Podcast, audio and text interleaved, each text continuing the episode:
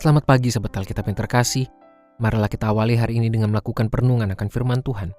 Bacaan Alkitab kita pada hari ini berasal dari surat Roma pasalnya ke-13 ayat 8 sampai 14.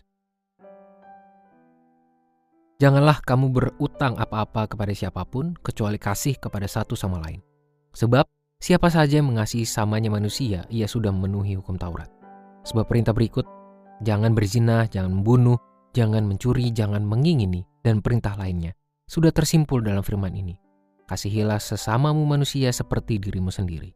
Kasih tidak berbuat jahat terhadap sesama manusia, karena itu kasih adalah kegenapan hukum Taurat.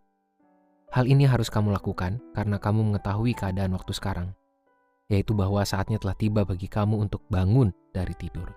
Sebab sekarang keselamatan sudah lebih dekat bagi kita daripada waktu kita menjadi percaya.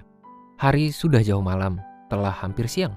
Sebab itu marilah kita menanggalkan perbuatan-perbuatan kegelapan dan mengenakan perlengkapan senjata perang. Marilah kita hidup dengan sopan seperti pada siang hari. Jangan dalam pesta pora dan bermabuk-mabukan. Jangan dalam percabulan dan hawa nafsu. Jangan dalam perselisihan dan iri hati. Tetapi kenakanlah Tuhan Yesus Kristus dan jangan pedulikan lagi keinginan-keinginan daging. Tulisan Paulus ini telah kembali mengutip tulisan dalam hukum Taurat yang turut membuktikan bahwa ia memang tidak menolak hukum Taurat. Namun ia juga tidak sedang menuntut jemaat untuk kembali menitik beratkan pertumbuhan iman mereka beralaskan pemenuhan hukum Taurat.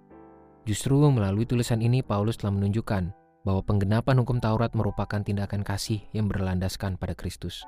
Pada ayat 14, Paulus pun menekankan bahwa senjata dan pertahanan iman untuk melawan segala bentuk keinginan daging adalah Kristus itu sendiri.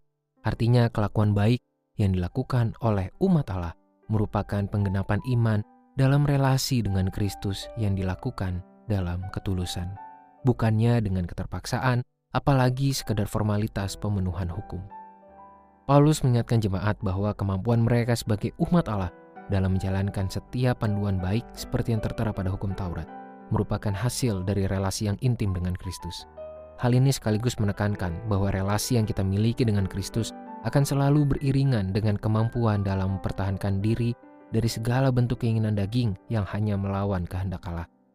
Melalui pemahaman iman yang demikian, berarti secara ideal seorang pengikut Kristus tidak akan lagi menganggap pemenuhan berkelakuan baik sebagai beban atau keharusan yang memaksakan, melainkan sebagai pancaran atau cerminan kualitas relasi yang ia miliki dengan Kristus.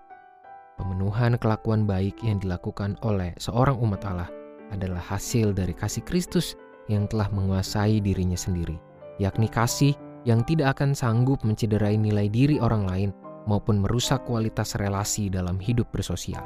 Kasih yang muncul dalam relasi antara seseorang dengan Kristus inilah yang juga menjadi modal bagi dirinya untuk selalu menghargai orang lain dan melakukan tindakan baik bagi sesamanya yang mewujud dalam ketulusan bukannya keterpaksaan.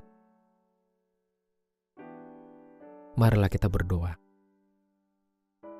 Ya Allah, kiranya kami selalu dimampukan untuk mewujudkan kasih yang kami miliki dalam relasi antara kami denganmu.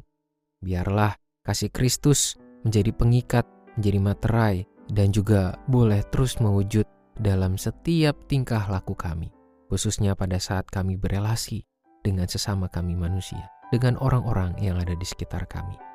Biarlah kasih itu menjadi modal utama bagi kami untuk terus berkelakuan baik, bahkan membalas kejahatan dengan kebaikan. Hanya di dalam nama Tuhan kami Yesus Kristus kami berdoa dan menyerahkan kehidupan kami. Amin.